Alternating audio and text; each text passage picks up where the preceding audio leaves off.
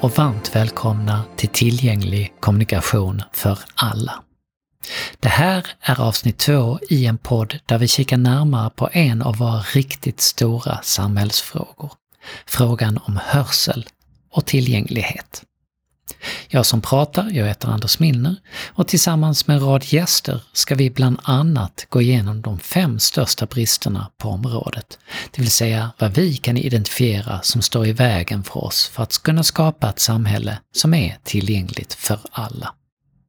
I det första avsnittet så pratade vi om den allmänna okunskapen, det vill säga att kunskapen kring hörselproblematik är alldeles för låg bland hörande.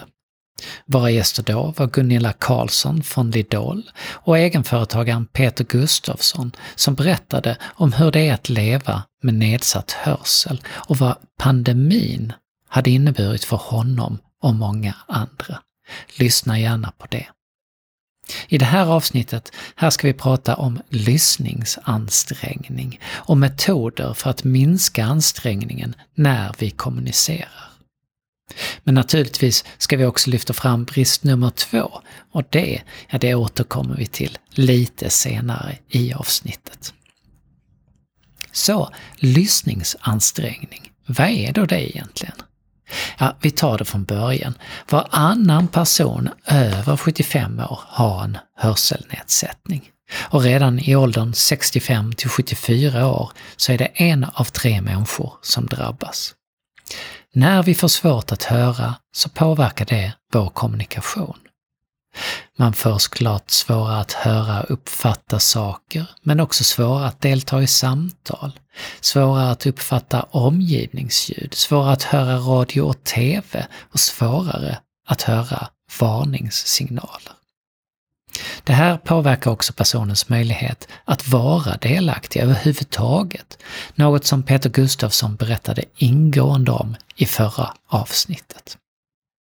Med oss i podden har vi nu Åsa Skagerstrand. Åsa är audionom och forskar vid Audiologiskt forskningscentrum på Universitetssjukhuset i Örebro. Välkommen Åsa! Tack så mycket!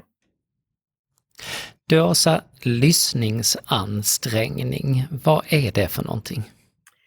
Och det är något vi ägnar oss åt just nu faktiskt. Det är ju så att när vi lyssnar på saker så måste vi använda våran hjärna väldigt mycket för att uppfatta vad som sägs. Och eh, då behöver vi anstränga oss helt enkelt. Så det, det, är någonting vi alla gör. Men det är också någonting som då påverkas utav vad vi har för ljudmiljö runt omkring oss, hur vi mår, vilket humör vi är på.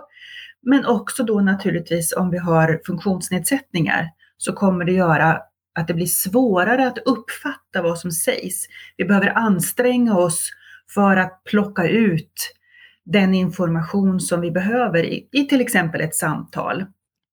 Så att just nu när vi sitter här och pratar så är det ju en viss lyssningsansträngning då att dels uppfatta ljudet i och med att man inte är i samma rum, eller de som lyssnar då.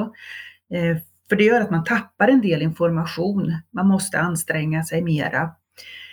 Eh, men vi gör det också då beroende på hur miljön är runt omkring. Så till exempel det du gav mig instruktion inför den här poddsändningen, att tänka på hur ljudet är runt omkring mig är ju väldigt viktigt för att reducera, minska lyssningsansträngningen så att man så lätt som möjligt kan uppfatta vad som sägs.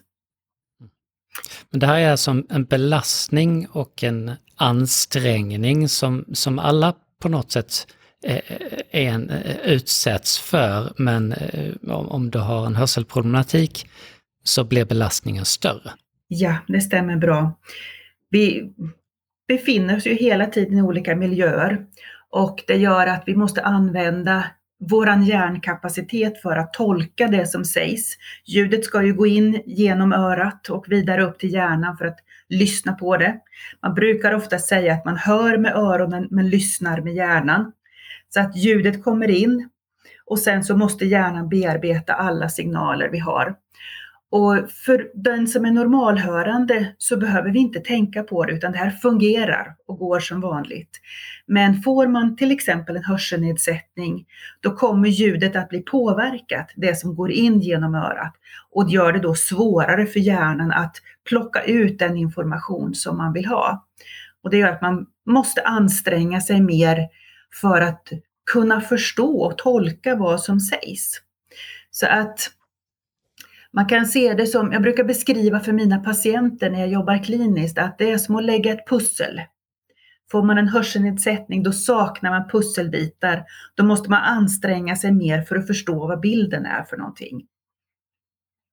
Och vet vi då, gissar jag att vi vet, vad, vad effekterna blir av en väldigt stor ansträngning när det gäller eh, hörselansträngningar?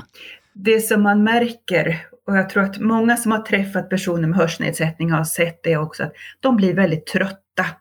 Så att det är en trötthetsproblematik man får, att man, man orkar inte lyssna lika länge som när man har normal hörsel. Därför att man jobbar mycket hårdare med hjärnan då för att kunna förstå och hänga med i ett samtal.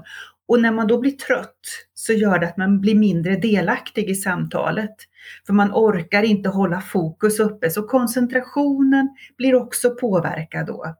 Så det är trötthet, koncentrationssvårigheter, fokuseringsförmågan blir reducerad och det i sin tur leder ju då till att man missar information. Och ibland så kan man kanske tycka att ja, men personer med hörselnedsättning, de hänger inte med riktigt. Och man börjar ibland fundera på, ja men förstår de ingenting? Jo då, det gör de, men de får anstränga sig så mycket så att de orkar inte ett långt samtal. Finns det situationer som folk utan hörselproblematik kan relatera till? Finns det någon situation som, som jag skulle kunna hamna i som, som är jämförbar när det gäller hörselansträngningen för någon med hörselproblematik? Definitivt. Det är bara att tänka när det är mycket bakgrundsljud. Det är ju sådana typiska situationer. Du är på en restaurang eller du är ja, något ställe där det är en stor folksamling och många pratar runt omkring och du ska försöka lyssna på en person som är kanske en liten bit ifrån dig. Då måste du anstränga dig mycket mera för att uppfatta, verkligen fokusera på den person du har framför dig då för att kunna höra vad den säger. Så det är nog den situation som är mest lik för oss normalhörande att kunna förstå den här ökade lyssningsansträngningen. Du sa i en föreläsning som jag såg på Youtube att, att, när du började studera själv så pratade man inte alls om hjärnan och kognitionen på det här sättet. Men det gör man idag. Eh, vill du beskriva den här skillnaden som, som har skett under de här åren? Jag utbildade mig till audionom för 30 år sedan och det har hänt oerhört mycket och då var man väldigt fokuserad på själva hörselorganet, alltså snäckan i örat och mellanörat och också då nervbanorna upp till hjärnan. Eh, och vi pratade om hjärnan, naturligtvis gjorde vi det, men att det var på ett väldigt låg nivå. Eh, det var mer det att, ja men sen kommer ljudet upp till hjärnan och vi tolkar det. Idag så är det ju en mycket grundligare kunskap om hur hjärnan fungerar och man kopplar också in mycket mera minnesfunktionerna. Vi har ju ett arbetsminne och, och ett korttidsminne och långtidsminne och så vidare. Och det är ju mycket mer i fokus idag, att få den här förståelsen för att det kognitiva, alltså den tolkningsförmåga vi har är väldigt viktig för att kunna höra och förstå ljud. Så att där är en väldigt stor skillnad om jag ser de som är studenter idag för att bli audionom. De får en mycket, mycket bättre utbildning inom det än vad, vad jag fick på min tid. Mm. Men det kanske är bra också att det händer saker på 30 år. Det, det tycker vi, det, det, det, förutsätter vi att det gör. Men du Åsa, hur fungerar då det här med, med arbetsminne och långtidsminne i det här sammanhanget? Vi har ett helt system med olika minnesfunktioner. Jag tror inte jag ska gå i detalj idag. Eh, men att när vi ska lyssna, jag håller mig till lyssningsuppgiften här nu, då kommer ju ljudet in och vi måste få, för det första få in ljudet i arbetsminnet, där vi har det liggande i arbetsminnet. För att när vi lyssnar så lyssnar vi inte på ett ord i taget och förstår vad som sägs, utan vi måste hålla i arbetsminnet då en längre mening vad jag säger nu? Och sen tar man ett medvetet eller omedvetet beslut om man tycker att det här är bra och man kan liksom förstå då och, och eh, hänga med i samtalet. Så, så arbetsminnet är oerhört aktivt. Men, sen måste... Men i, ett sånt där samt, ett sånt där samtal som du har, du, jag ställer dig en fråga, Eh, du berättar saker för mig. Vilket minne jobbar jag med nu när jag lyssnar? Det är framförallt arbetsminnet som är aktivt. Men du kommer också att försöka föra över saker till, till långtidsminnet. För att förhoppningsvis så vill du ju komma ihåg i efterhand vad jag har sagt också. Så att det sker en överföring kontinuerligt från arbetsminne till långtidsminne för att kunna minnas då vad som har sagts. Men har vi, om vi ser inom hörselvården så jobbar vi till exempel med olika test där du ska lyssna på en talsignal och bara upprepa vad som sägs direkt efter för att se vad, vad händer, kan du tolka ljudet? Det är en typisk arbetsminnesfunktion, att vi bara kollar vad kan du kortfattat hålla i, eller kortsiktigt hålla i minnet. Medan vi kan också ha andra test där man efteråt ska återge vad som har sagts. Då måste man ha en utökad minneskapacitet och att det inte bara är arbetsminnet utan vi lägger även in det i delar utav det, de eh, ja, mer långtidsminnet då för att det ska, du ska kunna komma ihåg i efterhand. Och en bra ljudsituation för en person med, utan hörselproblematik, behöver inte arbetsminnet jobba särskilt mycket då? Nej, det arbetar mycket mindre då. Att det, det egentligen bara passerar igenom och sen är det klart. Får man däremot då en hörselnedsättning så måste arbetsminnet jobba mycket, mycket hårdare för att få ut vad är det som verkligen sades. För att det är ju så att signalen som kommer in är ju ja, distorderad eller reducerad, alltså att vi får inte med alla delar, till exempel i ett ord. Så är det inte säkert vi hör alla talljuden. Och då måste arbetsminnet jobba väldigt hårt och även andra delar utav minnet då för att fylla i, vad skulle det kunna vara för ord jag har hört? Så där går vi in då i långtidsminnet för att kunna koppla det till någonting annat vi har hört tidigare. Kan det vara det här ordet jag hörde? Så att där hos en person med hörselnedsättning så får man ju jobba mycket, mycket hårdare för att få hela systemet att hänga ihop med varandra. Mm. Men har man då också sämre förutsättningar? Har man, har man fått mindre in i sitt långtidsminne på grund av att man har en hörselnedsättning? Eh, som gör att man har mindre att hämta av? Eller? Nej, så tycker jag inte man kan säga. Inte generellt sett, utan det finns risk för det. Definitivt att får man inte ljudstimulering så, så finns det en risk, definitivt. Men att för många som har hörselnedsättning så är det ju en förvärvad hörselnedsättning och den blir sämre över tid. Så man har hört bra när man var yngre och då kunnat bygga upp en, en bra minnesbank helt enkelt. Hur, hur lång tid tar det, vet man det? Hur lång tid tar det att bygga upp en bra minnesbank? Det beror på hur mycket du vill ha i den. Nej, man vet inte hur lång tid det tar. Eh, man kan ju se då hur barn utvecklas och hur många ord man, man lär sig på en viss tidsperiod. För där finns det en hel del forskning som har tittat just med språkutveckling. Och det, det är ju många miljoner ord som det händer mm. under de första levnadsåren. Där brukar man prata upp, upp, i, upp i början av tonåren nästan va? Oh ja, och alltså du lär dig ju hela livet. Så fort du börjar med någonting nytt så blir det ju nya ord som du måste tillämpa och, och tillägna dig. Så att man lär sig hela tiden.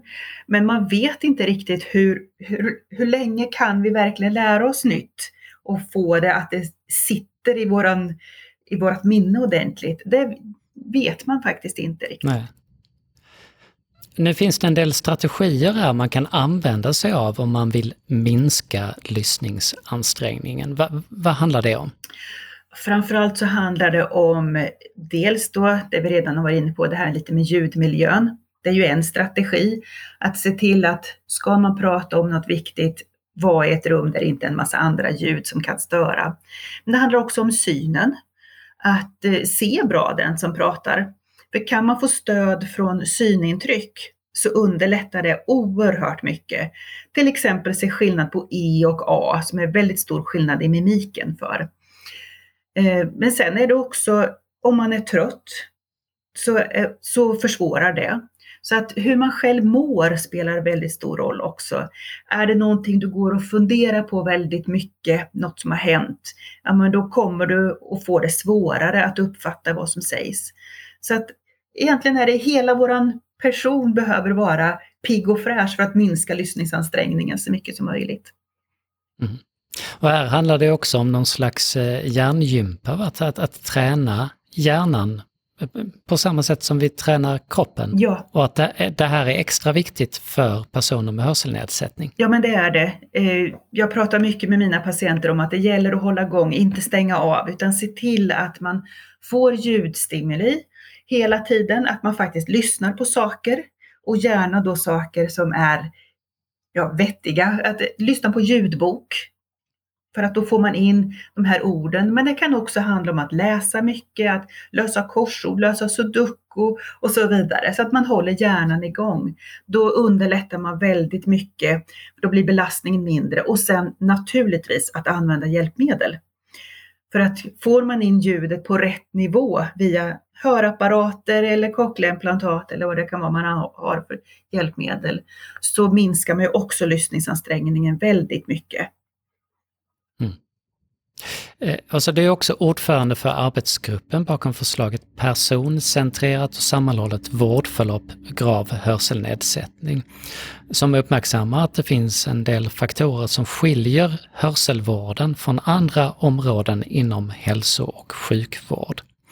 Bland annat har ni lyft fram att hörselnedsättning är ett kroniskt tillstånd och här krävs det livslång kontakt med vården och att en patient då inte blir färdigbehandlad eh, utan att det behövs insatser längs vägen så att säga. Vilka förändringar eh, tycker du att, att vården bör prioritera för de här grupperna? Tillgänglighet framför allt. Att kunna få vård. De här personerna är de som alltså hör allra sämst. De hör inte normal samtalston utan hjälpmedel. Så man kan inte, om man inte har hjälpmedel, vara med i ja, det som händer runt omkring. Och det är oerhört viktigt att man har en bra kontakt med sin hörselvård. Och det vi har sett när vi har gjort en kartläggning inför det här arbetet är att det skiljer ganska mycket i landet hur man får tillgång till hörselvård. Men vi har också sett det från kvalitetsregister för grav hörselnedsättning att det kan ta väldigt lång tid emellan att personerna kommer själva till hörselvården. För man har fått höra att ja, men man hör så dåligt så att det finns inte så mycket att göra. Och det gör att man drar ut på tiden emellan besöken. Och en del som jag tycker är väldigt viktig i det här vårdförloppet, det är att man ska ha en regelbunden och kontinuerlig kontakt med hörselvården. Inte så att man behöver genomgå utredningar hela tiden, men ändå ha en, en pågående kontakt så att man lätt har tillgång till stöd när någonting händer i livet. Och det handlar inte bara om att hjälpmedel går sönder, utan snarare tvärsom, att livet förändrar sig. Och då bör man också få stöd i, finns det någonting jag kan göra för att hantera min situation bättre? Så det tror jag är som jag ser det, det viktigaste faktiskt i eh, det här vårdförloppet. Mm. I förslaget så skriver ni att huvudmålet med hörselvården är att optimera förutsättningarna till kommunikation och delaktighet. Men det finns stora skillnader mellan regionerna i landet här. Eh, hur har coronasituationen påverkat förutsättningarna för kommunikationen inom, inom den här gruppen? Det har försvårat väldigt mycket för väldigt många. Eh, bara att ta en sån sak som att du ska gå till affären och handla nu när man ändå kan gå ut. Det sitter plexiglasskivor överallt i vägen som hindrar ljudet oerhört mycket från att komma fram. Vilket gör att de här personerna som har så här dålig hörsel, de hör inte vad som sägs överhuvudtaget och blir därmed utestängda från från eh, samhällslivet på många sätt då, att man inte kan uppfatta. Samtidigt så finns det faktiskt bra saker också. Just det här att man kan använda sig mer utav virtuella möten man kan sitta hemma i lugn och ro, ha sin dator inställd som man behöver på den ljudnivå man behöver, har faktiskt underlättat för en del också. Men då bygger det ju på att man också har en datorvana och många av dem med grav hörselnedsättning är i äldre åldrar. Så att de har kunnat bli väldigt utestängda från ett vanligt vardagligt liv helt enkelt på grund av mm. corona. Jag sa i inledningen här att, att vi i podden räknar upp de fem största bristerna för lika kommunikation för alla. Och vi är framme vid nummer två i vår lista som är samhällstjänster. För hur fungerar de egentligen för döva och hörselskadade? Och du som lyssnar på detta har alldeles säkert tagit fram din telefon någon gång och ringt 112 1177 Vårdguiden 114 14 till polisen eller 113 13 för information om coronaviruset. Och varje dag så är det massor med människor som ringer de här numren. Men hur gör man då om man är döv eller hörselskadad? Ja, det finns ett system på plats och man hänvisas till till exempel sms 112 eller PTS förmedlingstjänst. Här finns bland annat bildtelefoni, texttelefoni eller teletal som innebär att en tolk då ger stöd eh, under telefonsamtal. Eh, men hur fungerar då det här? Det verkar vara så att det finns hela spektrat, att en del döva upplever att det inte riktigt är så bra, plus att det såklart är köer och väntetider. Eh, klart är dock att, att, i många samhällstjänster så utgår man ifrån fullt hörande när det gäller tillgänglighet och att man också på många håll likställer chatt med röstsamtal. Här ser vi inom vården att det finns stora skillnader inom vårdförloppet på olika regioner och olika orter. Åsa, eh, hur stort är det här problemet och är det ett problem? Det är ett problem, men hur stort det är kan vi nog tyvärr inte veta. Eh, för en sak med, om vi ser på den här gruppen och med de största hörselnedsättningar så vet vi faktiskt inte säkert hur många personer det handlar om i Sverige. Eh, jag är också aktiv inom kvalitetsregister och där gjorde vi för några år sedan ett projekt där vi tittade och vi kom fram till att det är mer än 20 000 personer som har grav hörselnedsättning eller dövhet. Nu håller vi på med ett nytt projekt som en doktorand i Värmland håller på med, Christian Lövenberg, där vi försöker få fram en ordentlig prevalenssiffra på hur många det handlar om. Och troligen så är det fler än de här 20 000. Så det är väldigt många som berörs av det. Samtidigt så är det så att de här personerna har väldigt olika förutsättningar. Så graderingen på hur stort problemet är, är jättesvår att säga. Därför att det kan vara för en del ett jättestort problem medan andra faktiskt kan hantera det väldigt bra.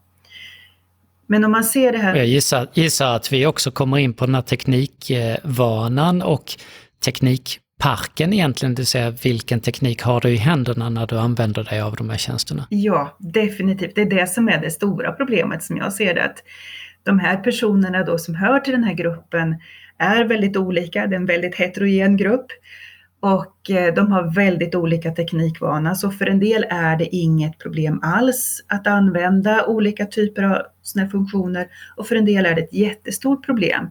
Har man varit hörande under sitt liv och sen förlorar hörseln, då har man inga andra sätt att kommunicera än det man har lärt sig sedan man var ung. Och då blir det väldigt stora steg att försöka gå via något teletal eller så. Och sen har vi den här gruppen som är döva och teckenspråkiga. Du nämnde det här med chatt. Ja, då ber vi dem att kommunicera på ett, på ett språk som inte är deras modersmål. För teckenspråket är deras modersmål. Och när de då inte får använda det, ja, jag tycker det är väldigt synd att man inte förstår behovet av att ha olika sätt. Lika väl som vi har olika varianter på talat språk behöver vi också ha tillgång till teckenspråk. Åsa, ett stort tack för att du ville vara med i podden. Tack så mycket. Nu till lite nyheter. Teckenspråkiga döva upplever minoritetsstress. Det är dövenheten Region Skåne som har skrivit en rapport som heter Minoritetsstress hos vuxna teckenspråkiga döva och den kommer ut vid årsskiftet. Rapporten den visar att döva lever med en extra stressfaktor som kan aktiveras hos minoritetspersoner i kontakt med majoritetssamhället. Förklaringsmodellen har sitt ursprung i hbtq-rörelsen och modellen kan användas för att förklara den extra stress som döva lever med. Resultatet i rapporten visar att den här extra stressfaktorn påverkar dövas vardag. Blir man till exempel frustrerad av att möta en oförstående granne i tvättstugan? Känner man sig orolig för hur man ska bli bemött av sina nya kurskamrater på universitetet? Det gemensamma med de här två berättelserna, grannen och kurskamraterna, det kan vara att båda är hörande och tillhör majoriteten. Så minoritetsstress, det kan betyda att man kan känna oro eller olust inför ett visst möte eftersom man har haft en negativ erfarenhet av ett liknande sammanhang tidigare. Fler nyheter. Nya och förenklade regler för offentlig upphandling kan börja gälla den 1 februari 2022. Bland annat kan det här betyda att nya direktupphandlingsgränser och nya möjligheter till direktupphandling genomförs. Regeringen föreslår bland annat att direktupphandlingsgränserna för sociala tjänster och andra särskilda tjänster ska höjas kraftigt, ända upp till tröskelvärdena. Bland de tjänster som berörs av det här finns exempelvis hälsovård och socialtjänster. Och för LOUs del så innebär det här att de här tjänsterna kan direktupphandlas upp till ett värde av cirka 7,7 miljoner kronor. Och det kan betyda en öppning för innovativa tjänster som inte faller inom ramen för dagens upphandlingslag.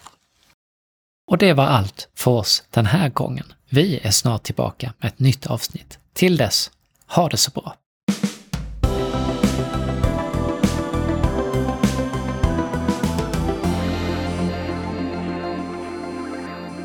Tillgänglig kommunikation för alla produceras av Altitude Meetings för Team Meeting som är ett företag som har funnits sedan 1993 och är idag Nordens ledande på alternativ telefoni och tillgänglig kommunikation.